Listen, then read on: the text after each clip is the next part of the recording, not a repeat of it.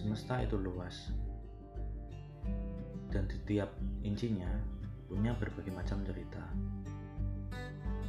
Semesta juga mengirim saya cerita tentang bagaimana saya berdamai dengan masa lalu saya.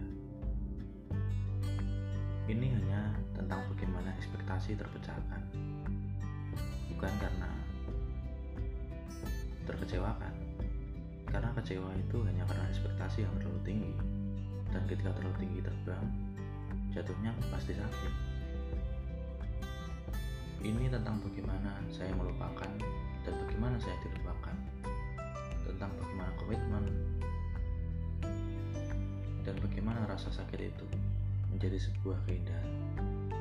Indah bukan berarti kita menikmatinya tapi kita berusaha untuk mencoba tegar. Saya tegar ya.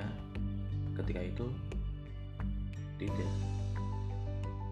Ketika itu saya jatuh, ya terkulai, terburuk lemas, karena tak percaya. Ekspektasi saya tidak sesuai dengan